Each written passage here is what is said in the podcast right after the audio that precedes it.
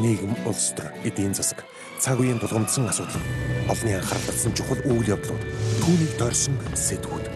Бид чухал үйл явдлын эздийг тэмдэгч харин тэдний байр суурийг тодорхой мэддэг.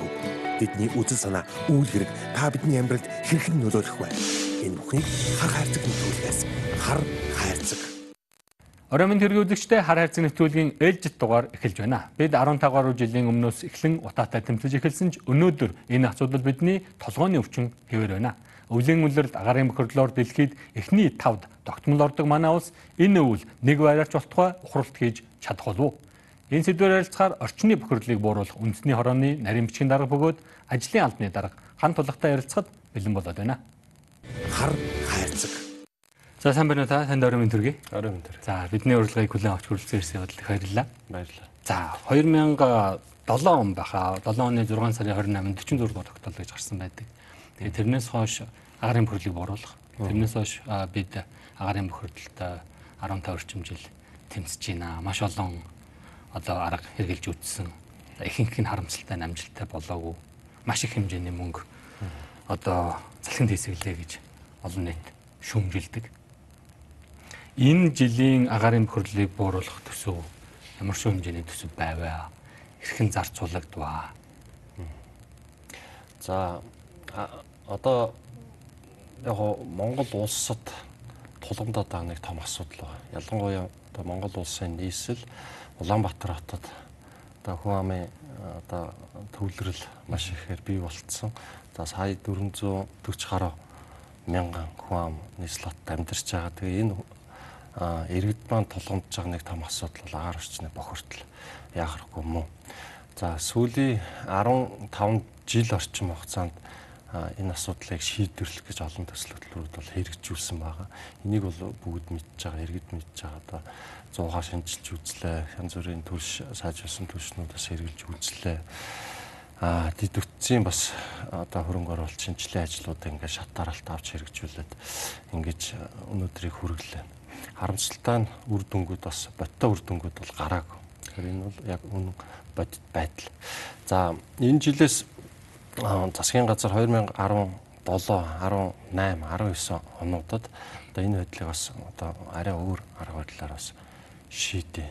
Одоо нөгөө түлж байгаа их үүсвэр дээр бид ажиллах хэрэгтэй. Энэ үүс түлээд байгаа нүрсийг ерөөсө хорихгүй бол энэ нүрснээс одоо гол агаар орчны бохирдол муудж гин гэдэг ийм дүгнэлтэнд хүрээд 2018 оны 2 сарын 28-нд 62 дахь тогтоол гарч батлагдсан. 62 дугаар тогтоол бол түүхийн үрсийг агарын чанарын сайжруулах бүсийн 6 дүүрэгт хэрэглэхгүй байх тогтоол гарсан байна. Тэгэхээр энэ бол яг засгийн газрын гаргасан бас нэг одоо тийм зоригтой гэж хэлж болохоор ийм эрсдэл бас эрсдэл дагуулсан юм шийдвэр тогтоол гарсан байна.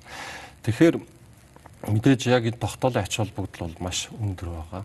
Түүхийн нүрсийг хориод одоо түүхийн нүрсний хэрэглээ бид нар сайжруулсан түлшээр орлуулж агаар орчны бохирдлыг бууруулахын төлөвлөгөө гараад одоо ингээд хэрэгжээд эхлээд явж байна. Тэгэхээр одоо яг энэ хэрэгжиж байгаа төсөл хөтөлбөр бол үр дүнгээ бас гаргаж үр дүнгээ үзүүлж агаар орчны бохирдлыг одоо бүлэмжих хэмжээнд агарын бохирдлыг бууруулна гэсэн юм бас судалгаа судалгааны үр дүнгууд гарсан. Тэгээ энэ судалгааны үр дүнгуудыг үндэслэж энэ төсөл хөтөлбөр одоо ингээд эрчимтэй хэрэгжиж явж байна. Би энэ төсвийг асуудаг болох юм бол юу байсан бэ гэхээр бид сүүлийн 15 одоо 2007 оноос хойш тийм ээ. А энэ хугацаанд хичнээн их мөнгө зарцуулав, өргөө гаргав. А гэтэл энэ богинохон хугацаанд хэрвээ бид амжилттай ажиллаж чадвал ямар хэмжээний төсвөөр, ямар хэмжээний мөнгөөр энэ асуудлыг шийдэж болох байсан бэ гэдэг дүр зургийг л үзэгчдэд өгөх гэсэн юм л да. Өөрөөр хэлэх юм бол энэ хугацаанд маш их хүн хүч зарцуулаад байдаг. Үнэхээр өнөөдрийн та бүхний ярьж байгаа энэ сайжруулсан төлж биелэлээ олох юм бол бараг жилийн дотор бид өнөөдөр энэ асуудлыг шийдэх гэж байна. Тэгэхээр тэр жил зарцуулж байгаа төсөв одоо энэ нөгөө шахмал түвш байгуулах үйлдвэр байна тийм ээ. Аа тэгээд тэр шахмал түвшлийг нийлүүлж гин, тээвэрлж гин. Тэгэхээр энэ төсвийг би өмнөх төр хий одоо бидний цалин хэсэгцэн гэдэг том тоотой харьцуулж одоо үзэгчтэй харуулсан санаа. Тэгэхээр за ауж аудитой газраас мэдээж энэ өнгөрсөн хугацаанд яг энэ агаар орчны бохирдол хэдэн төгрөг зарцуулч гэд бас хяналт бол мэдээж хийгдсэн. За энийг э, одоо танилцуул 2019 оны 1-р сард одоо энэ асуудлыг бас хилцэж ирсэн. Тэгээ хилцэхэд за би буруу санааг бол нэг 540 гаруй тэрбум төгрөг өнгөрсөн хугацаанд яг агаар бохирдол дээр бид нар зарцуулсан байл. 540 гаруй тэрбум төгрөг тийм. Одоо сүүлийн саяны тогтоол гарснаас хойш гэх юм уу? Сүүлийн нэг жил одоо энэ шахмал турш болоод бусад тэр янд нь шүүлтүүр тавих энэ төр гэдэг ерөөдөө багцаагаар хичнээн төгрөг зарцуулсан байдаг юм бол. Энэ агаар ялангуяа агаарын бохирдол бол үйл ажиллагаан дээр. Мэдээж яг та нэг үрчлэн тоог нь хэлж яхаа тэр багцаалт бол. За бид нар бол мэдээж яг аудит төр хийгдсэн тэр дүнгээр л ярих хэрэгтэй байх та. Тэгэхээр 540 гаруй тэрм төгрөг гэж. А тэр нь бол өмнөх өмнөх үн тэр. Сүүлийн нэг жилийн дотор. А сүүлийн жил бол 2019 оны үндэсний хорон төсөв бол 75.2 тэрм төгрөгийн төсөвтэй ажиллаж байгаа. За энэ тоог л харьцуулж харуулах гэсэн юм бол да. Нь хэрвээ хавар гэхэд бид одоо үр дүнгийн үзэн шүү дээ.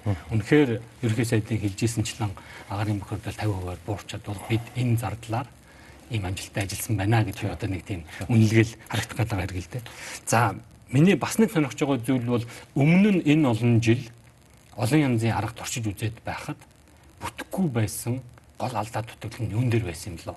А миний ингэж сууж байгаа гол шалтгаан бол бид өмнө нь яагаад юун дээр алдаж байсан бэ гэдгийг ойлгуул магадгүй одоо тэр алдаануудыг давтахгүй байх магадлалтай да. За өмнөх жилүүдэд яг хөрөнгө санхүү мөнгийг бол шийдвэрлэж бас үр дүн гаргах гэж ингэж ажиллаж исэн баг. Цэвэр агаарсан агаар орчны бохирдлыг бууруулах сан гих мэтчлээ ингээд бүтцүүд гаргаж ажиллаж ирсэн баг. Тэгээд харамсалтай нь бас төдөл бас үр дүнгуудыг гаргаж чадаагүй тухай ярьсан. А тэгэхээр зүгээр эндээс хараад байхад энэ тулгамдаад байгаа яг энэ агаар орчны бохирдлыг одоо хэрэгжүүлж байгаа. Мэдээж аливаа төсөл хөтөлбөрөөр хэрэгжүүлэхэд хяналт байх хэрэгтэй. Үр дүн гарах хэрэгтэй. Үр дүн гаргахын тулд бид нар одоо ямар арга хэмжээнд авч хэрэгжүүлэх, хэн авч хэрэгжүүлэх юм, ямар шат дараалтаа хийх юм. А эргээд хяналт болон одоо нэг хариуцлагын асуудлыг одоо хэрхэн яаж тавих юм гэдэг одоо энэ асуудлууд жоохон юугүй явсан болов уу гэж харж байна. Уялдаа холбоо багтаа. Уялдаа холбоо багтаа дээрэс нь энэ хариуцлага асуудал бас жоохон таархан явсан болов уу гэж харж байгаа. Ер нь бол яг энэ төрөөс гаргаж байгаа бодлого шийдвэрийн хэрэгжилт нь одоо энэ яг төрийн бодлого шийдвэрийг одоо нэг хэрэгжүүлэгч байгууллагуудын уялдаа холбоо бол маш чухал байдаг. Тэгэхээр энэ уялдаа холбоос хангагдаж ажиллаагүй. Тэрнээс болоод эргээд одоо энэ гарч байгаа мөнгөн дээр зарцуулалтыг сайн хянаагүй ч гэдэм. Иймэрхүү дутагдлууд бол гарсан. Тэгэхээр ер нь одоо яг энэ үндэсний хорон дээр бас хэрэгжиж байгаа төсөл хөтөлбөр ялангуяа яг энэ агаарын агаарын бохирдолтой холбоотой сайжруулсан түвштэй холбоотой асуудлууд одоо бол яг энэ э, төрийн байгууллагуудын уялдаа холбоогоос хангаж ажиллаж э, явж байгаа. Тэгснээр бид нар үндсэндээ төрөөс гарч байгаа бодлого шийдвэрийн хэрэгжилтийг шат шатанд нь хэрэгжүүлдэг байх. А эргээд энэ дээр хяналтаа хийж хариуцлагажуулж ажиллах нь маш чухал юм билээ. Тэгэхээр ер нь энэ өмнө гарсан алдааг бид нар давтахгүй тулд ерөөсөө л энэ хоорондын уялдаа холбоо хариуцлагажуулах, хяналтыг сайжруулах, эргээд үр дүнгээ бие биенээс нэхэж ажиллах хамгийн чухал асуудал болоод байгаа. Өмнө нь янз бүрийн сайжруулсан төлөв бас хэрэглэх оролдлогууд хийгдсэн. Тэр төлөвчнүүд дэс одоогийн бидний хэрэглэх гэж байгаа сайжруулсан шахмал биш юугаараа ялгаатай юугаараа өөр юм бэ хэлбэл тэр цагт ягаад болоогүй энэ цагт ягаад болно гэж итгэлтэй байгаа юм бэ за энэ дээр мэдээж яг ийм масштабаар та ийм одоо өргөн хүрээнд бол өмнө хэрэгжиж байгааг нэг өстө одоо 18 оны засгийн газрын шийдвэр гарснаас хойш үйлдвэр богино хугацаанд байгуулагдаж одоо доктортой үйл ажиллагаа хангаж ажиллаж байна. Тэгэхээр энэ бол ерөөсөө шууд одоо нийслэлчүүдийн гэр хорооллын одоо айл өрхөд зориулагдсан томоохон бүтээн байгуулалт үйлдвэрлэл болж байгаа. Тэр айл өрхөгийг одоо бүтнээр нь 100% сайжруулсан түвшээр хангах. За нэгт масштабаар. За хоёрт бол энэ өмнө Монгол улс яг энэ одоо ийм чанарын нүүрсээр ийм чанарын сайжруулсан түвшийг бол үйлдвэрлэж байгаа үйлдвэрлэж байгаагүй тийм. Тэгэхээр энэ маань өөрөө одоо 5 толгой ордоос тийм 610 км-ийн цаанаас тээвэрлээ авчирч одоо дэлхийд одоо чанараараа гайхаж байгаа одоо тэр нүүрс түүхий эдийг ашиглаж энэ сайжруулсан түлшийг үйлдвэрлэж байгаа. Тэгэхээр эн чинь өөрөө чанарын бас ялгаа байгаад байгаа тийм. Ерөөсөө л энэ байна. А тэгээ энийг бол мэдээж одоо цаашаа айл өрхүүд түгээх борлуулалтыг хийж ажиллах одоо үнийг тогтоох гих мэтчлэн ингээд одоо нийгмийн одоо гэр хорооллын одоо айлуудын одоо айл бүртэл хурж энэ төсөл хэрэгжиж байна гэсэн үг байхгүй. Тэгэхээр энэгээрээ онцлог а тэгээд энэ саяны хэлсэн онцлогуудаас бид нар хараад дүгнэхэд бол энэ ерөөсөө үр дүнгээ гарах боломжтой үндсэлтэй юм байна гэсэн тийм тооцоонууд бол мэдээж гарсан байгаа тийм. Тэгэхээр аливаа юм тооцоо судалгаан дээр үндэслэж явах хэрэгтэй. Тэглэх яах вэ? А мэдээж жилийн дотор богинохон хугацаанд сайжруулсан төлөвчний томоохон үйлдвэрийг байгуулад Аа тэгээд монголчуудын Улаанбаатарчуудын Улаанбаатарын эргэн тойрнох дүүргүүд бас орох бах. Аа эдний төлөх шахмал төлшийг бэлтэнэ гэдэг бол амар ажил биш баг. Тэгэхээр хэр их нөөцтэй байгаа вэ? Яг зөвхөр яг ингээд төлөө заахан хүмүүс дадаад ирж илаа. Тэгэхэд одоо манайхан бас нэг заримдаа хариуцлагагүй байдлын үднэс те уучлаарай бидний бэлдсэн нөхөс дууссан. Гээд эхэлвэл бид нэр эргэл нөгөө нэг түүхийн нөөц рүү орох болчихно шүү дээ. Тэгэхээр мэдээж иргэд бол хангалттай нөөц бэлдэж чадсан байгаа болов хөрөлцөх болов гэж нэг юм одоо таамаглал их үү асуулт байгаа байх л та. Нөөц бол хангалттай үйлдвэрлэгдэж байгаа. За өнөөдрийн байдлаар нэг 170 гаруй мянган тонныг нөөцлөсөн байгаа. Тэр 170 гаруй мянган тонн гэдэг нь гэр ороолоо айл өрхөө одоо 2 сар гаруй хугацаанд түлж хэрэглэх юм нөөц гэсэн тийм судалгаа гарсан байгаа. Тооцоо судалгаа. За мэдээж яг зүгээр 600 мянган тонн сайжруулсан түлшээр нэг өвлийг давна гэсэн бас юм тооцоо байсан. Тооцоо байгаа. Тэгэхээр энэ тоо хаанаас гарсан бэ гэхээр бид нар өмнөх жилүүдэд одоо нэг өвөлдөө одоо түүхийн нүрсээр бодоход нэг сая сая 200 мянган тонн түүхийн нүрс хэрэгжилж ирсэн.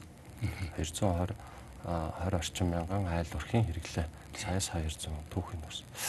А тэгэхээр энэ сайжруулсан түлш яга 600 мянгаар ингээд гараад ирэхээр энэ маань өөрөө нөгөө илчлэг болоо энэ сайжруулсан түлшийг үйлдвэрлэхэд хэрэгжилж байгаа түүхийд одоо манай тавталгаа нүүрс мидлинг одоо завсрын жанрын мидлинг өөрөө ичлийн хувьд бол одоо бусад өмнө хэрэгжилж исэн нүүрснүүдээс калорийн хувьд өндөр 6000 100-аас дээш.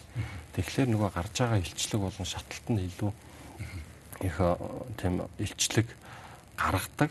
А шаталтын хувьд бас хоёр дахин шаталттай гэсэн тийм. Энэ нүүрсний одоо үүрмэг хогоор хийж гин гэдэг нэг шүмжил байгаа тийм. Үнэн үнэн худлааг нь бас та хэлэх бах.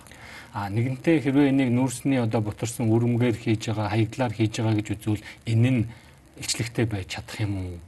а бүтэн одоо зогц том нүрстэй адилхан элчтэй байж чадах юм уу? Наа чи нүрс нь хаягдл юм биш үү гэсэн нэг ийм одоо эргэлзээ олонний дунд байгаа даа л да.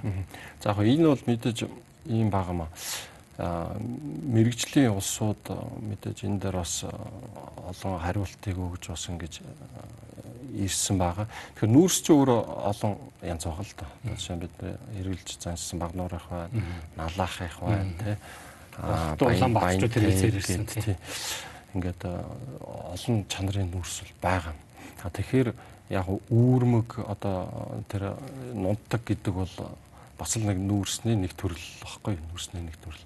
А одоо бид нар яг хэрэгжилж байгаа нүүрс бол үйлдвэрт хэрэгжилж байгаа түүхий дээр хэрэгжилж байгаа нүүрс маань өөрөө 5 толгоогоос гарч байгаа нэгсэндээ нөгөө одоо төмөр ган хайлуулдаг. Ийм чанарын нүүрс баггүй. А тэгэхдээ тэр мэдээж нүүрс өөрөө уурхад олборлт хийхэд 2 3 хэмцээр гарч байгаа. За дам ширхтээ гарч, дунд зэрэг ширхтээ гарч. За тэр дундаас нь бас нарийн ширхтээ нүрснүүд гарч байгаа. Тийм тэрийг л бид нар завсрын чанарын мидлэн гэж хэлээд байгаа. Мидлэн гэдэг чинь тэр үүрмүү гэдэг хэлээд байна шүү тийм ээ. Бас нэг юм эргэлзээ байна.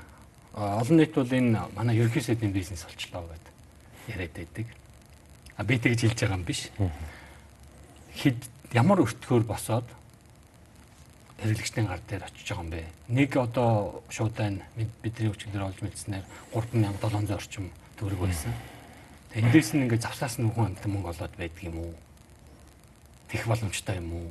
А мэдээж бол агаарыг агарын хөрлөг бууруулахын тулд хэрвээ тэр үйлдвэрлэж байгаа шахмалт улс ашиг олохоор байсан бол 3000 хэдэн зуугаар их л хямдхан л байх шиг санагдаад байгаа юм л да. Тэгэхээр ямар өртгөөр босоод тэгээд хэдээр зарагдаад байгаа юм бэ? А үнийг үндэсний хороо тогтоосон байна. 150 мянган төгрөг тонн. За 150 мянган төгрөг бол ерөөсөө одоо өмнгийн говьос тээвэрлж авчираад үйлдвэрлэлд а үйлдвэрлэлийн өртөө нэмэгдээд өртөө нь ерөөс 150 мянган төгрөг болж байгаа. Тэгэхээр энэ сайжруулсан түлшийг яг өртгөрөнд зарж байгаа. А энэ дээр бол нэмэлт яг хот доторх тээвэр одоо нөгөө дундын бөөний төвөд скла дагуулхууд руу тээвэрлэх, гэрээт борлуулагч руу тээвэрлэх зардлууд нэмэлтээр гарч байгаа. Тэгэхээр энэ яг алдагдaltaа гэсэн үг. Хин нэг энэ дээр бизнес их ямарч боломж байхгүй. Ямар ч боломж байхгүй үүрсийг өмнөөс тэрвэлж авчирж байна. Үйлдвэрлэж байна. Үйлдвэрсэн өртгөөр нь гэрээт борлуулагч нарт тарааж алдагдaltaа. Тэгэхдээ энэ дээр засгийн газар алдагдал хийх ёстой. Яагад гэвэл альва улс орон иргэдийнхээ одоо эрүүл аюулгүй орчин бүрдүүлж ажиллахын тулд хөрөнгө мөнгийг гаргах ёстой. Зардал зардлыг гаргаж байж нөгөө хүсэж байгаа одоо тэр эрүүл сарвал орчин гэл бүрдүүл. Харин ч Монгол улс бол яг энэ одоо иргэдийнхээ төлөө орчны бохирдлын эсрэг арга хэмжээнүүд дээр бол хангалттай хэмжээнд мөнгө зарцуулж чадахгүй байна. Яг бол дандаа төсөө алдагдaltaй байдаг. Тэгэхээр хангалттай одоо хөрөнгө мөнгийг ийш нь бас шийдвэрлэж чадахгүй байна. А тэгэхдээ энийг бол яг ингээд ярихаар бас хүмүүс буруу ойлгож магадгүй. Өмнөх жилүүд өчнөө мөнгө зарцуулчаад үр дүн гараагүй гэдэгтэй. Тэгэхээр тэр шалтгаан би хэлсэн тийм хяналт хариуцлага уялдаа холбоог ус болоод бид нар үр дүн гаргах чадаагүй юм бэл.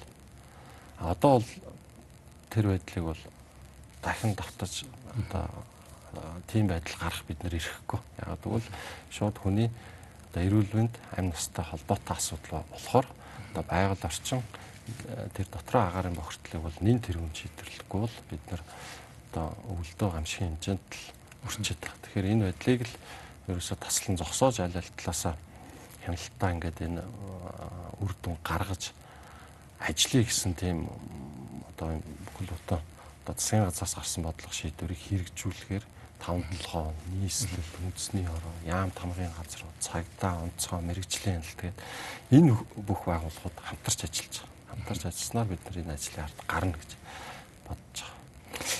За их баярлалаа. Үргэлжлүүлэн тав хүнд бид тун удахгүй нүүрстэй холбоотой шахмал түвштэй холбоотой хэрэгдийн гар дээр очиод байгаа картны тухай асуултаар нэвтрүүлгээ үргэлжлүүлэх болно. За нэвтрүүлэгтэйгээ хамт байгаа үзэгч та бүхэндээ баярлалаа. Зочнотойгоо би үргэлжлүүлэн картны тухай хэдэн асуултанд хариулт авахар бэлдээд байна. Энэ картыг хэрэгэлснээр ямар ямар асуудлуудыг шийдэж чадж байгаа юм бэ? Ямар ямар давуу талуудыг бий болгож байгаа вэ? За өмнө нь бол бид нар одоо түүхийн үрснээ хэрэглээгээ хямд чаддаг байсан түүгийн дурс одоо тэгэл хаагуур аль замаар одоо аль уурхаагаас хэдэн тооны одоо түүхийн ус орж ирж байна. Тэрийг одоо иргэд маань яаж хэрглэж гин үү те энэ тал дээр бол хяналтаа бас төдийлөн сайн хийж чаддгүй байсан. За сайжруулсан түлш гарснаар мэдээж одоо яг үйлдвэрлэлд ороод үйлдвэрлэлээс гарч байгаа сайжруулсан түлшний килограмм тонн хэмжээг бол ингээд нэг талтаа гаргаад авч байгаа юм. Тэгэхээр бид нар өвөлдөө одоо хэдэн тонн 100 мянган тонн сайжруулсан түлшийг одоо шатааж хэрглэж гин хэрглэж байна уу гэдэг тоо бол нарийн гарч байна.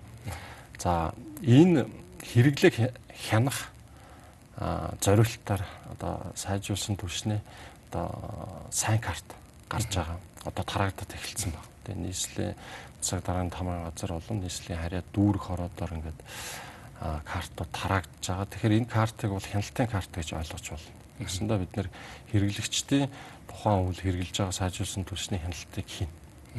Хяналт нь ямар байх вэ гэхээр санхүүгийн хяналт байна. Аа сайжруулсан түлшний тоон хэмжээний хяналтыг хийнэ. А эргээд энэ дээр бид нэр одоо үйлдвэрлэл дээр одоо дараа дараагийн жилүүдэд хийх одоо сайжруулсан түлшний бас тоон хэмжээ ингээд нэгтгээд авах ёстой. Тэгэхээр а түүхийн үрсийг бид нэр цэгүүд дээр очиод бэлэн мөнгөөр авдаг гэсэн. А сайжруулсан картны маань өөрөө давуу тал нь бол бид нар бэлэн мөнгө одоо бэлэн мөнгөтэй харьцаа болж болж байгаа. Тэгэхээр энэ гэрээт борлуулагчаар дамжуулаад а одоо смарт утсан дээр нь а картыг уншдаг тийм аппликейшн бэлдсэн байгаа. Тэгэхээр тэр аппликейшнаар а сажис төлснийхаа картыг уншуулад картаар худалдаа авалт. Тэгээд нэгсэндээ төвөөс аль дүүрэгт, аль хороонд, аль цэг дээр өдөрт болон 7 хоног сард хэдэн тонн сажилсан төс борлуулагдаж гүйлгээ хийгдэж чинь бүх хяналтыг л тавиад ажиллах юм. Би нэг ингэж бидэнд нэг ийм мэдээлэл байхаа. Хэрвээ карта картаараа нүүрс худалдаж авахгүй хэрэглэхгүй байвал тодорхой хэмжээний торгууль төлөх нэг тийм заалт байна уу юу? Өөрөөр хэлэх юм бол тэр хүн магадгүй картаараа нүүрс авч хэрэглэхгүй өөр юм төлөөд байгаа гэсэн магадлал юм уу хардлага хардлага а тэгээд түүнийг хянах гэсэн нэг тийм санаа байгаа мó юу энэ картанд? Тийм багхгүй. Ерөөсөө тийм ерөөсөө түүхийн сайжруулсан түлшний хэрэглээ хянах зорилттой карт. Тэгэхээр энэ дээр бол худалдаж авахгүй торгуулалтаа эднэр гэсэн тийм бол багхгүй. Ер нь бол сайжруулсан түлшний картын хэмжээг одоо эхний ээлжинд 3 тоноор хязгаарлаж байгаа. 3 тоноор. А энэ дээр бол иргэд маань бас янз бүрийн асуудлууд бол тавьдаг л да. Яагаад 3 тоноор, яагаад бид нар одоо 5 тонн, 6 тоноор нэг мөсөн авч болдгүй гэх мэтчлэн ингээ асуудлууд гарч байгаа. Яг энэ бол өөрөө сайжруулсан төс шинэ бүтээгдэхүүн. Бид нар шинэ бүтээгдэхүүн, шинэ хэрэглээг нэвтрүүлэхийн тулд түрүүн би хэлсэн ямар нэгэн эрсдэл гарах тийм эрх бол багхгүй бид нарт. Өмнөх жилүүдэд бол маш их эрсдэл гаргаад ингээд үр дүнгийн тухай ярихаар үр дүн муу байдаг талаар ярьсан.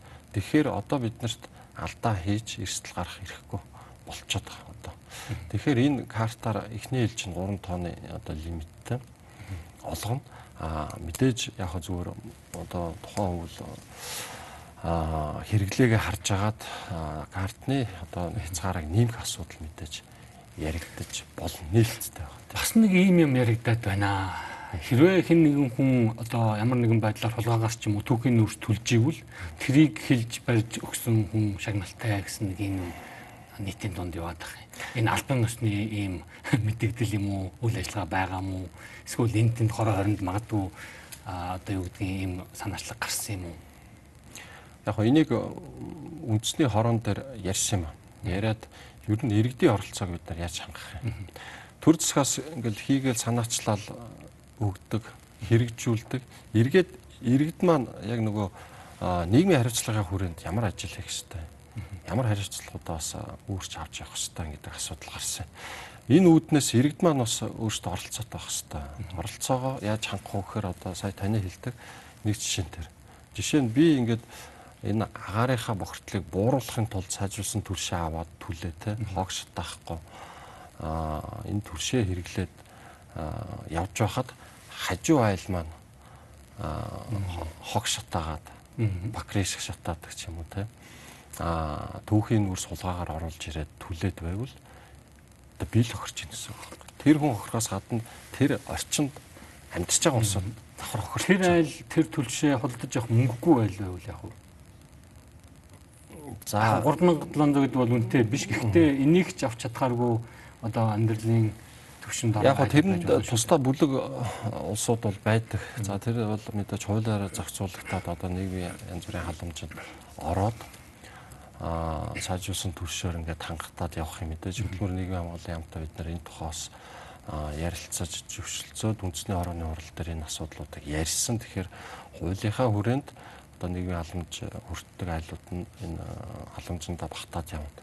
Аа ер нь бол яг хав 3750-аар айл өрхөд бол нүүрс сайжруулсан түлшээ аваад түлэх тийм боломж бол байгаа мэдээж байгаа.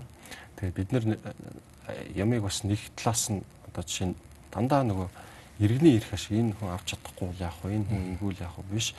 Бид нар энийг авч түлэх ёстой. Бид нар энийг авахын тулд ажиллах ёстой. Бид нар энийг авч эрүүл аюулгүй орчин бүрдүүлж амьдрахын тулд бид нар өөрсдөө хөдөлж явах хэрэгтэй, хөдөлмөрлж явах хэрэгтэй. Энэ л ерөөсөө гол ерөөсөө асуудал бас энд байгаа шүү дээ. Бид нар иргэд өөрсдөө одоо хичээлтэй, чармаалттай бичиж бид нар өнөөдөр энэ нийгэм тулгамдаад байгаа асуудлуудаа өөрсдөө шийдэх хэрэгтэй байхгүй. Тэгэхээр энийг бол бас иргэдтэй оролцоог нэмэгдүүлж ажиллах тал дээр бас ажлууд зохион байгуулж байна. За хуурамчаар үйлдвэрлэсэн тохиолдол гарсан юм шиг мэдээлэл байгаад гэх юм аа. Үнэхээр ийм хуурамчаар үйлдвэрлэж байгаа тохиол байгаа мó?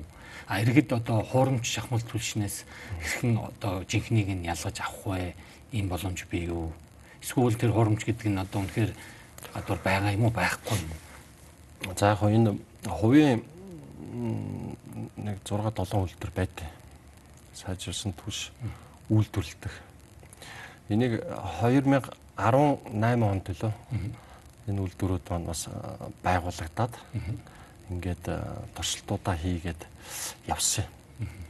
Тэгэхээр яг зүгээр чанар дээр бас ганц нэг доголдлууд бол гарсан. Хувийн үйлдвэрүүд хийж байгаа нүүрсэн дээр жишээ нь 5 7 нөгөө сайн чанарын мэдлэнгээр хийхгүй одоо бусад өөр нүүрсээр хийх ч гэдэм үү те иймэрхүү дутагдлууд бол гарсан юм. Тэгээд бид нар яг засгийн газраас бас энэ дагуу арга хэмжээ аваад ер нь бид нар нийгмийн сайн сайхны төлөө хүний иргэдийнхээ эрүүл мэндийн асуудалтай холбоотой ийм томоохон асуудал ярьж одоо оруулж шийдэж байгаа болохоор ямар нэгэн эрсдэл гаргаж одоо энэ хуурамч чанар чанар муутай сайжулсан төлшийг бол одоо иргэдэд нийлүүлэх тийм сургуудыг ер нь тийм ирэх байхгүй л байхгүй. Тэгэхээр ямар ч байсан эхний ээлжинд зөвхөн таван толгойн төлш сайжулсан төлшөөр иргэдийг хангаж ажиллая гэсэн юм л чиглэлтэй ажиллаж байгаа. Тэгэхээр нэг 5 6 хувийн үйлдвэрийн ирэх ашиг баах уу?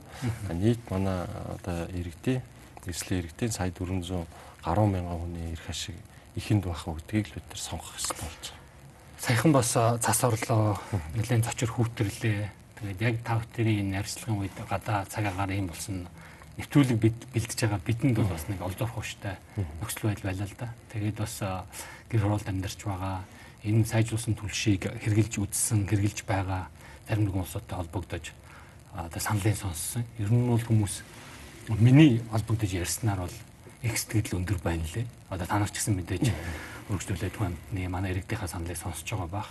Их илчтлэг байна, дулаан байна ер нь бол эн чинь барыг болчих юм шүү гэдэг их тийм өөдрөг сэтгэл бол илэрхийлж байгаа иргэд нэлээд байна л. Ер нь энэ жил бид утаагаа үйлчлэх юм шиг байгаа да. За бүр огт утаагүй байх нь хааш. Ер нь бол иргэдийн дунд миний ярьсан цөөхөн тооны улсууд дотор бол их тийм эрг сэтгэл байна л дээ. А бид бол тэгэхээр танаар одоо юу хэлүүлмээр байна вэ гэхээр яагаад энэ түлшийг иргэд хэрэглэх нь эдийн засгийн хувьд эднэрт ач холбогдолтой юм бэ? Нөгөө түүхийн нүүрс төлснөөс хямдхан туснаа цөөхөн галалнаа гэдэг ч юм уу та даваа талын нэг ирээдүйд тооч. За мэдээж э, давуу талууд бол э, нилээд их байгаа. Ер нь энэ яг энэ сайжруулсан түлшний одоо энэ чиглэг, үнслэг, дэгдэмхий, одоо хүүхэр илчлэг, бат бөх чанар гих мэтчлээ ингээд одоо яг нэг сайжруулсан түлшний бүтсэн өөрөө дандаа одоо 2-оос 3, 4 дахин сүүхийн нүрснээс илүү. Одоо энэ 5 7 нүүрс өөрөө түрүүн биелсэн төмөр ган халилдаг юм өндөр ичлэгтэй юм нүүрс түүхийдэр хийж байгаа. За энийг одоо төрөөс санхүүжүүлээд одоо үйлдвэрийн аргаар сайжруулад одоо хэвэнд оруулаад гаргаж штэ нэгсэндээ барьцалдуулагч одоо нөгөө шаталтыг дэмжихтэй үнс одоо багасгагч гэх мэтчлээ одоо дандаа энэ байгалийн гаралтаа нэмэлт процесууд хийж хэрэгжилж байгаа. За энэ нэг давуу тал. За дараагийн тал нь бол энэ Үний бодлогыг бол засгийн газар хатуу барьж байгаа. 150 мянган төгрөгөөс сэтрүүлэхгүй байна. Энэ өөрөө үйлдвэрийн өртгөр нь сайжруулсан төлшийг борлуулж байна гэсэн. Хувийн компаниуд орвол 150 мянган төгрөг борлуулах боломжгүй болчихж байгаа. Энэ дээр хувийн компани ямар хэмжээтэй 150 мянган вэ? 1 тонн. 150 мянган төгрөг 1 тонн. А тэгэхээр хувийн компаниуд орохоор энэ яг энэ 150 мянган төгрөг борлуулах бас боломж нь э, хэцүү болж байгаа юм л да мэдээж компани шигтэй ажиллаж тийм 170 80 мянгаас өмнө дэше гарах тийм хандлагатай болчихж байгаа. Тэгэхээр иргэд энийг үйлдвэрийн өртгөөр нь авч ийн гэсэн үг. Үйлдвэрийн өртгөөр. Тэгэхээр тухайн гэр бүлийн төсөв нуруунд одоо төсөвтөөр ирж байгаа дарамт багасч. За дараагийнх нь нэг давуу тал нь түүхийн үрсийг жишээ нь нэг 4-өөс 6 тонныг нэг өвөл хэрэгэлдэг байсан бол сайжруулсан түлшийг хоёр дахин баг хэрэглэнэ. Хоёр дахин баг гэдэг маань аа иргэдэд хэмнэлттэй төгсөн хоёр дахин баг болж ин гэсэн үг байхгүй. А тэгээ энэ дээр яг зөвхөн үнс их байна, үнс хаягдлих гарч ийн гэсэн бас гомдлууд гарсан. Энэ яг зөвхөн өмнө 4-өөс 6 тонн түүхийн нүүрс түлж үнс гаргадаг байсан бол одоо энэ 3 тонн сайжирсан түвшний одоо үнс гарна л гэсэн үг байхгүй. Тэгэхээр үнсний нийт хаягдлын тоо бас багасч байгаа. Тэгэхээр бид нар үнсийг бол яг зүгээр гаргаад таях биш. Энэ жил бас хувийн компаниудтай ярьж байгаа төсөл хөтөлбөрүүдийг санхүүжүүлж хамтарч ажиллая гэж бодож байгаа. Яг энэ үнсийг үн төлбөргүй гэр хорооллын айл өрхүүдээр явж цуглуулж эргээд үнсээрээ гэр хорооллын айл өрхүүдийн нөгөө дид үтс хашаа байшин тогтчлт хийх материалуудыг үйлдвэрлэх тийм блокч тийм үйлдвэрийг байгуулж ажиллах тал дээр нь бас хувийн хвшлүүдтэй хамтарч ажиллах юм санаачлаг гаргаа явж байгаа. Тэгэхээр энэ сайжруулсан түлшнээс хайх юм байхгүй болж байгаа байхгүй. Аа нэг тонн аа за 25 хил сайжруулсан түлшнээс нэг 4-өөс 5 кг хүмүүс гарах жишээ нь тий. Тэгэхээр энэ бол ерөөсөө юм бодит ийм сайн давуу талууд бол гараад ирж байгаа. Миний танаас ингэж асуудаг гол шалтгаан бол иргэд маань гаднаас ямар нэгэн төрийн юм уу элдв зүйлийн шахалтгүйгээр өөрсдөө авч хэрэглэх дур сонирхолтой байгаасай. Эдийн засгийн болоод бусад одоо ариун цэврийн байдаг юм уу олон талын хэмнэлтүүд нь одоо иргэдийг өөрсдөө энийг худалдан авч хэрэглэх тэр одоо хандлага руу хөтлөөсэй гэсэндээ ийм асуулт асуулаа л да. Манай нэвтрүүлэг зочдтой нэг бэлэг бэлддэг байгаа. Тэгээ бид танд бол энэ одоо тайны бараг таньж байгаа маскыг бэлэг болохоор бэлдсэн байгаамаа. Тэгэд энэ маскыг би бол таныг энэ жил зүгээрээ гэж бэлгэлж байгаа юм биш. А олон нийтгээ бас маскаа бүгдээрээ зүүцгээ гэж уриалгаасаа илүү мэдээж утаатай байвал зүйлгүй яах.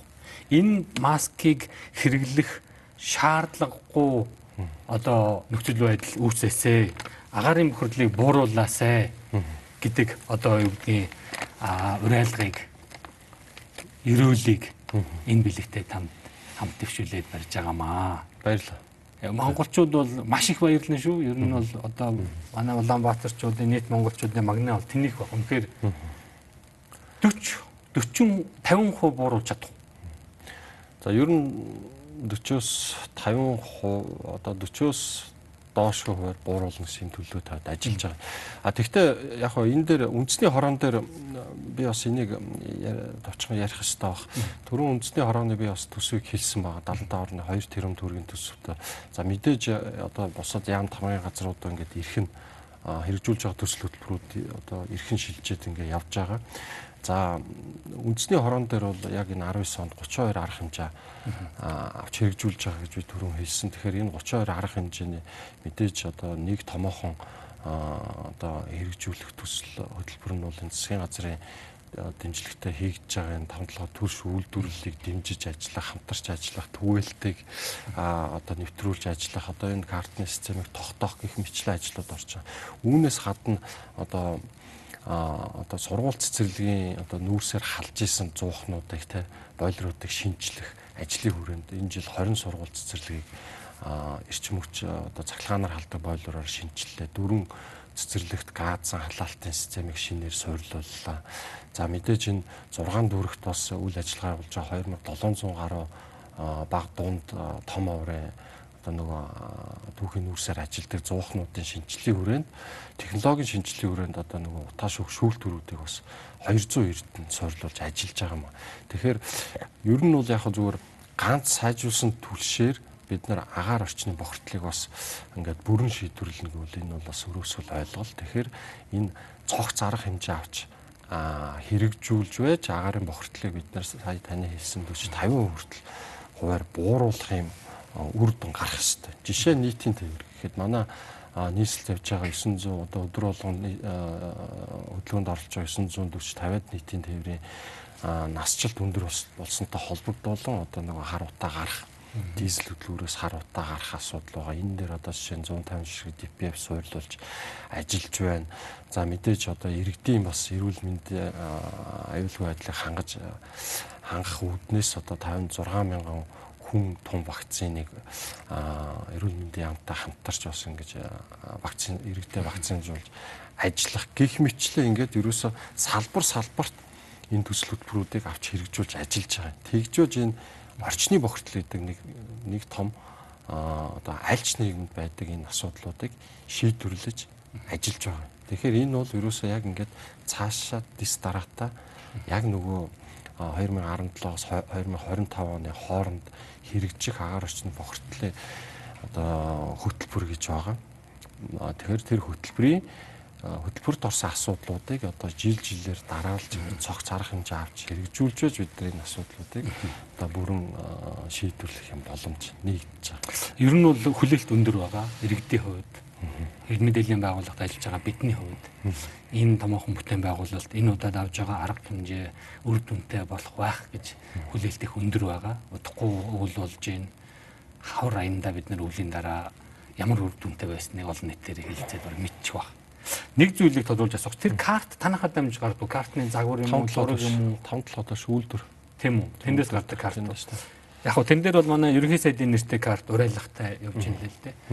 Тэгээд зарим хүмүүс бол магадгүй шүүмжлэх бах айлуудад ерөнхий сайдын нэртэй карт атсан гэдэг. Тэгээд айл болгонд ерөнхий сайдын нэртэй карт ачна гэдэг бол нэг бодлын бас хүн бол одоо сонгуульч ортож байна.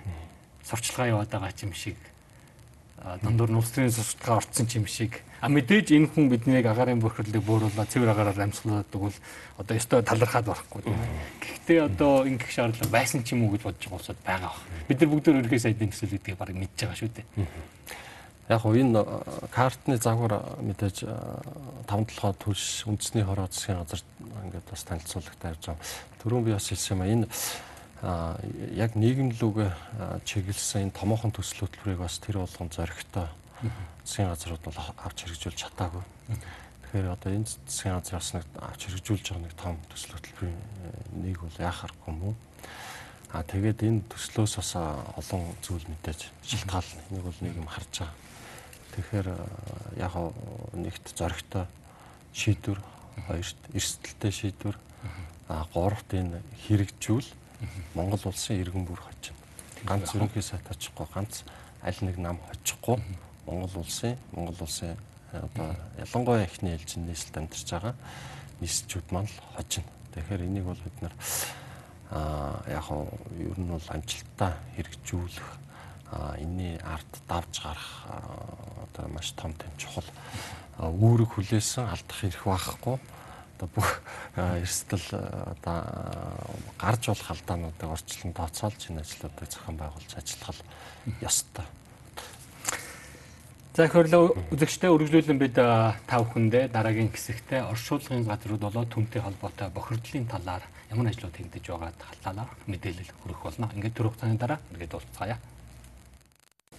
Нэвтрүүлэг маань үргэлжилж байна. Тэгэхээр энэ хэсэгтээ бид орчны бусад одоо бохирдлын талаар за энэ бусад бохирдлууд дээр үндэсний хорон бол ямар одоо арга хэмжээ авахар төлөвлөж байгаа тухай ярилцахаар бэлдээд байна. За мэдээж гол асуудал бол утаа. Гэхдээ утаа гэж яриад бид бас бусад асуудлаа хайчиж арай болохгүй баг. Хөрсний бохирдол гэж томхон зүйл байдаг. За оршуулгын газрууд гэж бас нэлээд их ярьсан оршуулгын газруудыг нүүлгэх тухай асуудал яригадаад байдаг. За газарт оруулаад дээр нь барилга байгууламж за зарим талаар баригдаа эхэлчихсэн байгаа. Тэгэхээр ерөнхийд за миний бидний ярих гэдэг байгаа 20-од 20 орчим байдгийн байна. За хамгийн томоох нь бол 70 давхар байх. За энэ хөрсний бохирдол болоод бусад зүйлийн бохирдлыг бий болгоод байгаа оршуулгын газруудад ямар арга хэмжээ авч яаж ажиллах гэж байна вэ? За 2018 онд а 70 давхар орчим яг үндэсний хорон дээр бас хэрэгжүүлсэн төсөлтөд 70 давхар орчмын бас нэлээд хэдэн оршуулгыг одоо нүүлгэж нүүлгэж газар чөлөөлтийг хийж чөлөөлсөн газар дээр одоо хүчит шонхор дэд станцыг барьж байгуулж ажилласан. Тэгээ яг энэ бол мэдээж бас амжилттай хэрэгцсэн төслүүдийн нэг нь бол яхахгүй мөн энэ дэд станц барьж байгуул газар чөлөөлт хийж барьж байгуулснаар Чингэлтэй Сүхбаатар дүүргийн 20 гаруй мянган айл өрх одоо найдвартай цахилгаан их усураар хангах тийм боломжийг аа нээж өгсөн. Тэгэхээр яг энэ мэтчлийн ингээд жишээ нь газар чөлөөлтийг одоо хөрөнгө санхүүгийн шийдээд ингээд зөв төлөвлөлтөө гаргаад хийвэл тухайн чөлөөлсөн газар дээр ингээд бас нийгэмд хэрэгтэй ажлуудыг хийх боломж нь байдимаа гэдгийг харуулсан бас нэг төсөл болсон л та. Тэгэхээр үндэсний хорон дээр яг нийслэлийн засаг дарганы хамрын газар болон одоо нийслэлийн захирагчийн ажлын албатай хамтарч бас баггүй төсөл хөтөлбөрүүдийг авч хэрэгжүүлж байгаа. За энэний нэг нь бол саяны төсөл байсан. А одоо дараа дараагийн ээлжинд яг энэ хөрсний бохирдолтой холбоотойгоор айл өрхүүдийн одоо нөгөө байгалийн нүхэн жорлон ялангуяа гэр хорооллын айл өрх одоо хашаанда нэгээс хоёр жорлон ухцсан байдаг. За 10 жил 10 жил гаруй болсон айлууд маань 2-3 жорлон ухаад болцсон байдаг. Эн чинь өөрөө хөрсөн чууд доошо шингэдэг юм бас нэг тийм бохирдлыг бий болгож байгаа бас нэг юм зүйл болчиход байгаа юм л да. Тэгэхээр одоо 200 гаруй мянган айл өрхийг бид нэг 2 жорлонгоор утгаад яг автоматар ингэ 400 мянган жорлон асуудлыг шийдэх нэн шаардлагатай байна. Тэгэхээр энэ 19 оны яг үндэсний хорооны төлөвлөгөөнд байсан бас нэг нэлээд ач холбогдолтой төсөл арга хэмжээний нэг нь Герман улсын одоо шил бас сүүлийн үед гарсан технологийн дагуу шин технологиор хийгдсэн одоо энэ бохор бохрыг соруулаад хатаагаад хатаасан одоо бохроо шатаагаад дулаан эрчим хүч гарах юм төсөл байна. Хүүхэр өгж байгаа шүү дээ тийм тийм дулаан ус болно. Тэгэхээр энэ бол бас амжилттай одоо хэрэгжээд явж байгаа нэг төсөл нэгэнд мөн 12 дугаар сар тоног төхөөрөмж орж ирнэ. За тоног төхөөрөмж орж ирэхээр мэдээж энийгээ суурлуулад а гэр хорооллын айл өрхүүдийн жорлонгуудыг соруулад энэ үйл бид нар одоо хатааж шатаах энэ туршилтуудаа бас хийн. За энэ маань ингээм амжилттай болчихвол дараа жилийн тоогоо нэмээд гэр ороолын айл өрхүүдийн энэ нөхөн журлангуудыг шинжлэх ажлуудыг нэлээд тийм өргөн хүрээтэй хийж эхэлнэ. Тэгэхээр соруулаад хаях биш, соруулаад нөгөө соруулсан нөхөнд нь эргүүлээд одоо зориултын бас бетонын цутгаад нэгсэндээ хөрсөндөө нэвчдгүү тэр битүүмчлэлтэй нойлуудыг одоо барьж хийж гүйцэтгэж ажиллана гэж энэ төлөвөнд оруулсан байгаа тийм. Тэгэхээр энэ бол аюул том ач холбогдол хүрсэнд бол бараг бүх айлуудын журлангийн ханыг бетонтох нь шүү дээ. Тэгж ойлгож болох уу? Ер нь яг бетон гэхээсээ илүү нэг юм цацдаг зориултын бодис байгаа бас герман технологиор германд үйлдвэрлэгдсэн тэр маань яг вөхөр соруулж аваад жорлонгууд дээр арматурчлалыг хийгээд тэгээд шүршчин. Шүршээ тэр маань одоо тодорхой хугацаанд хатаад ирэхлээр тэр доошоо хөрсөндөө ямар нэгэн нэвчилт өгөхгүй а одоо тогтмол соруулдаг тийм жорлонтой болно гэсэн. Айлууд тодорхой хэмжээний мөнгө зарцуулах хэрэгтэй юу? Жорлонгоо одоо За ер нь бол иргэдийн хоролцоог хангах үүднээс бас төрөөс тодорхой хэмжээний дэмжлэг байх. Мэдээж энийг бол төрөөс санаачилж хий үндэсний хороо яг энэ жил нэгэнт тэр том төхөөрөмжийн худалдаа авалтыг хийгээд суурлуулад туршиж байгаа болохоор дараа жил үндсөө үндэсний хорон дээр бас энэ ажил гол ингэж төлөвлөгдөж явах болов уу гэж бодож байгаа. Тэгэхээр мэдээж төр засгийн дээр агаараа зөвхөн агаараа шийдээд хаях биш дараагийн асуудал нь хөрсний бохирдлыг бид нар багасгах одоо өрсөд өсөж байгаа бохирдлыг таслан зогсоохын арга хэмжээнүүдээр авч ажиллана. Тэгэхээр төрөөс бол эзний ороогоор дамжаад орж ирж байгаа төсөв мөнгөнд тийш бас тодорхой хэмжээнд зарцуулах 70 давхрыг нүүлгэх юм уу шилжүүлэх энэ төр гэсэн уучлаараа би нөгөө хөрсний хөрөлтөй холбоотойгоор түрүүний оршилгын газраас ойрдоо бол нүүлгэх барих гэсэн тодорхой арга хэмжээнд давхлахаар тусгадаг байгаа юм. За энэ э, яг хоо нийслэлийн одоо удирдлагуудын хэмжээнд бол бас э, үе үед яригддаг л асуудал, засгийн газар дээр бас яригддаг л асуудал. Тэгэхээр энийг бид нар үе шатаар шат дараалтаар хийх ажлуудыг бол эхлүүлэх талаас нь бас нийслэл дээр ингэж э, мэдээж асуудал ярилцаж ойрын жилүүдэд бас одоо нүүлгэх асуудал ингэж төсөв мөнгөний суулгаж явах юм ажил бол байгаа. За ган тулг гэдэг хүнийг үзэгчд маань тэр болгон танихгүй баха. Таны одоо ажиллаж байгаа энэ орчны бохирдлыг бууруулах үндэсний хороо гэдэг байгууллага нэлээд их хил ам таталсан бас нэг олонний дургуутслыг их хөдөлгсөн их түүхтэй бас нэрээ олон өөрчилсөн байгууллага. Яаж яваад энэ байгууллагт та одоо бол яг нарийн бичгийн дарга бөгөөд ажлын албаны дараагаар ажиллаж байгаа юм байна. Яаж энэ албан тушаал дээр хүрээд ирвэ? Яагаад энэ ажлыг авчваа? За энэ орчны орчлыг бууруулах үндэсний хороо маань Аа за өмнө 2010 11 оноос цэвэр агарсан агаар орчны бохирдлыг бууруулсан. За орчны бохирдолтой тэмцэх газар гэдэг ингээд бүтсэн нэлээ их өөрчлөгдөж явж ирсэн байгууллага. За тухайн үед одоо элбэг дарж ерөнхийлөгчийн доор албан байсан сүүлд ерөнхий сайд одоо Эрдэнэт засгийн газрын ерөнхий сайд байхад ерөнхий сайдын доор ажиллаж байсан хөрөлсөх ерөнхий сайдын бас доор 18 онд бас тодорхой хугацаанд ажиллаж байсан. Одоо байгаль орчны сайдын доор ингээд ажиллаж байгаа. Байгаль орчны сайд хорон дарга өөрөө хийж байгаа. Миний би нарийн бичиг өгөөд ажлын албанд дарга гэж явж байгаа юм. За яг энэ яг агаар орчинтой бохирдолтой холбоотой асуудал, төсөв мөнгөтэй холбоотой асуудал түрүү тав итээр ярьсан тий үр дүнгууд гарсан үг бол бас бодит үр дүнгууд гарч чадаагүй алдаа дутагдал нь хаана байсан тий тухайн даргалж исэн хариуцж исэн хүндээ байсан юм. Ер нь тухайн засгийн газар бол одоо тухайн төрөө одоо яам тамгын газрын бүтцийн болоогүй мүү гэдэг юм уу? Энэ маш их олон нөлөөлөх хүчин зүйл байсан бил ганц нэг хүндээ ч биш. Тэгэхээр ерөөсөө энэ авч хэрэгжүүлж байгаа арга хэмжээ маань өөрөө ямар үр дүн гарах юм ямар тооцоо судалгаан дээр суйрлагдчих хийж байгаа юм хийгдснээрээ эргээд нийгэмдээ бид нар ямар өөрчлөлтөөр авчирч чадах юм гэдэг л гол асуудлуудыг эхэлж үүсгэх ёстой л да. Тэгэхээр зүгээр өмнө явсан энэ төсөл хөтөлбөрүүд бас энийг бас сайн судлаагүй. Энэ тооцоо судалгаануудыг бас дотоод улмыг хийснээс болоод энэ алдаа дутагдлууд гарсан болоо гэж харж байгаа юм. За бас нэг том нөлөөлөх хүчин зүйл бол түрүүн хэлсэн төрийн байгууллагуудын байгууллагуудын уялдаа холбоо одоо бол үндэсний хорон дээр энэ төрийн байгууллагуудын уялдаа холбоог бол хангаж ажиллаж чадчихна гэж би бодож байгаа. Үндэсний хорооны гишүүн байгууллагууд бүх яамтын дэд сайд нар ордог. Ерөнхий газрын дарга нар бүгд орж байгаа. Цагдаагийн ерөнхий газар онцгой онцгой мэрэгжлийн хяналт а төрийн бас байгууллагууд бас энэ 3 4 төрийн бас байгууллага гишүүн байгууллагаар ордог. Тэгэхээр үндэсний хорон дээр тухайн жил авч хэрэгжүүлэх байгаа ажлынхаа төсөв төлөлгөөг хорооны гişүүдийн хамтын шийдвэрээр хийдэг. Хорон дээр хэрэгжүүлж байгаа төсөл хөтөлбөрүүдийн тайланг хорон одоо бүх гişүүдийн хурал дээр танилцуулж тайлгандаг. Аль болохоор алдаа дутагдал гарахгүйг хичээж ажиллаж байгааг нэг илэрлэл нь бол энэ бүх гişүүдийн хурлаар бид байна. Та яаж яваад энэ торон даргын хорооны ажлын За мэдээж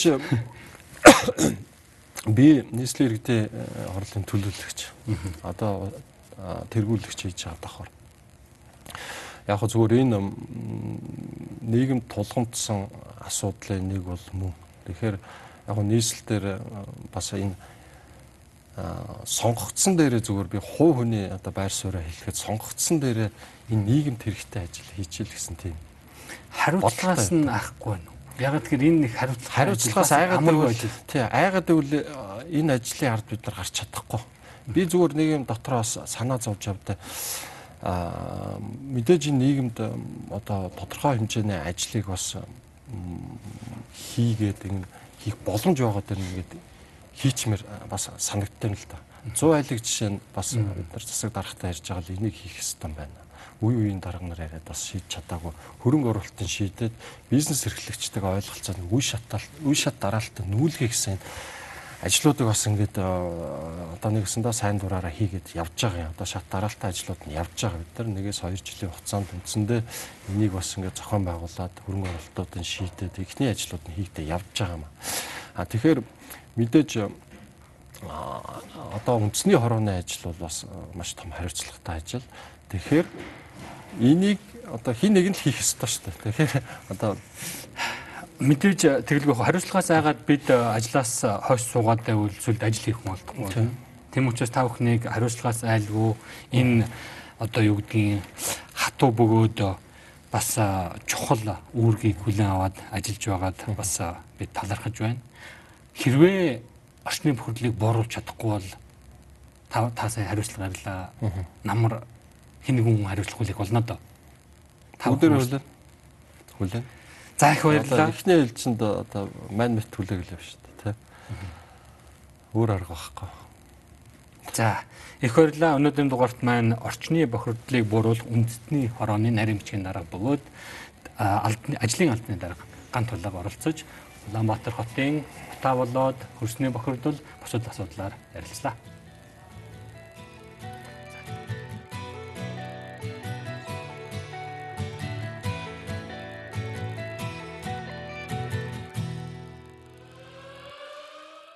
Нийгэм улс төр эдийн засаг. Цаг үеийн тулгымдсан асуудал. Олонний анхаарал татсан чухал үйл явдлууд. Түүнийг дорсон сэтгүүд. Бид чухал үйл явдлын эздийг тэмдэгч харин тэдний байр суурийг тодорхой мэддэг. Тэдний үзэл санаа үйл хэрэг та бидний амьдралд хэрхэн нөлөөлөх вэ? Энэ бүхнийг хар хайрцаг нөлөөлөхөөс хар хайрцаг